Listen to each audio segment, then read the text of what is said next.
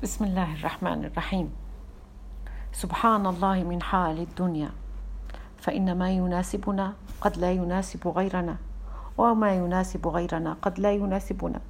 ومعظم مشاكلنا مع أحبابنا تقع بسببين مقصود لم يفهم ومفهوم لم يقصد. والحل يكون بخطوتين استفسر عن قصده وأحسن الظن به والخلاصة من ذلك كله. إذا خانني التعبير فلا يخونك التفسير. إذا سمعت عني فاسمع مني ولا تحرمني حقي في الدفاع عن نفسي. وارتقي بتفكيرك تنعم بحياتك وتذكر دائما إن بعض الظن إثم. فإخوة يوسف عندما كان لهم مصلحة مع أبيهم قالوا أخانا فأرسل معنا أخانا. ولما انتهت المصلحة قالوا ابنك إن ابنك سرق.